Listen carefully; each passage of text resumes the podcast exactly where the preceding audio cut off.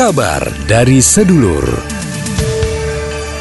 Sebuah kabar, sebuah tegur sapa, sebuah penyadaran dari seorang budayawan. Pri GS.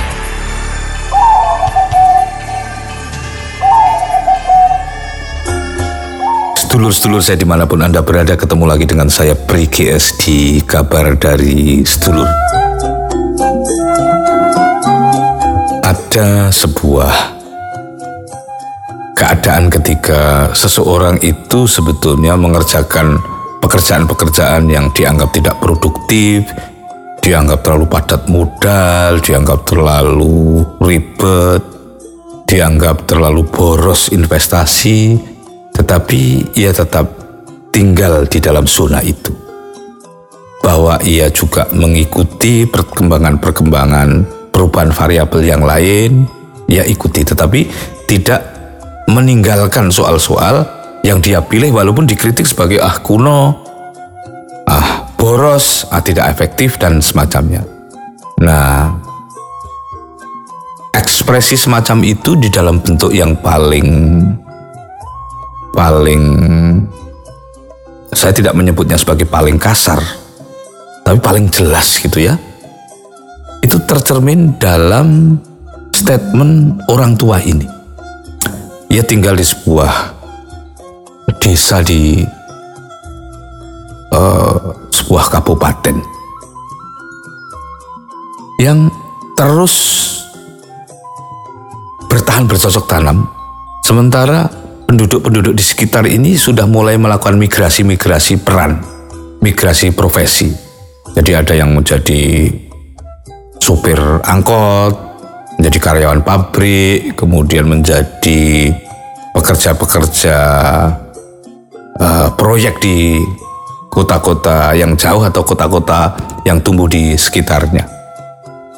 Yang bertani dibanding dengan pekerjaan proyek ini ini dihitung selisihnya sudah sangat jelas ya petani sehari dapat berapa pekerja pabrik yang hasilnya dianggap lebih banyak dari sekedar bercocok tanam tetapi Bapak Sepuh ini memberi sebuah statement yang menyentuh hati saya dalam bahasa Jawa walaupun nanti akan saya terjemahkan lah nek aku ranandur engko uang-uang arep do mangan nopo jadi kalau saya tidak menanam, nanti orang-orang itu akan memakan apa? Karena apa yang dimakan itu berasal dari apa yang kita tanam. Jadi kalau banyak orang melakukan migrasi peran dan peran-peran tertentu itu diabaikan, maka keseimbangan peran akan lenyap. Nah, saudaraku, sekarang ini ramai sekali era disrupsi.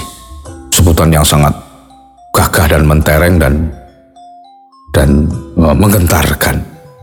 Ya, tiba-tiba orang yang mendirikan pabrik kalah oleh penjual online misalnya.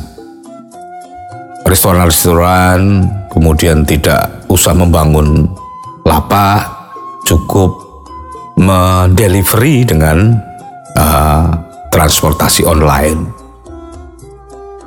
Terus ada bermacam-macam uh, kredo atau rumus bisnis yang baru yang singkat, untung besar, cepat.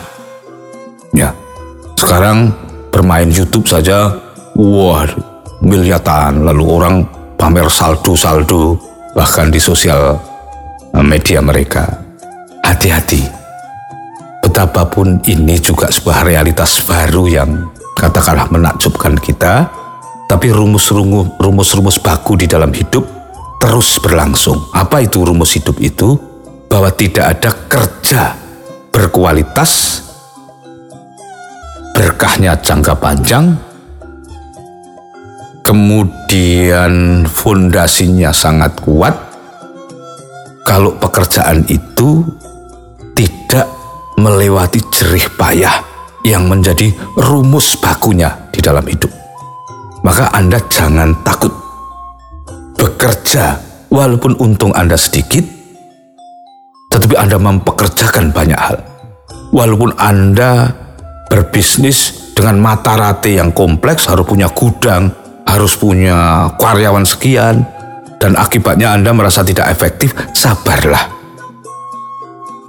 Keuntungan terbesar Anda tidak selalu di dalam berupa keuntungan-keuntungan finansial itu, yakni keuntungan-keuntungan ketika saudara Anda, orang-orang di sekitar Anda, sanggup melewati Anda untuk mengakses rezeki mereka.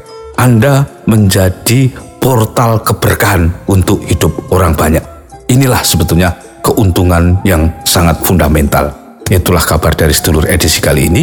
Kita ketemu lagi di kabar dari sedulur edisi berikutnya. Demikian kabar dari sedulur bersama budayawan Priges. Semoga semakin menguatkan silaturahmi kita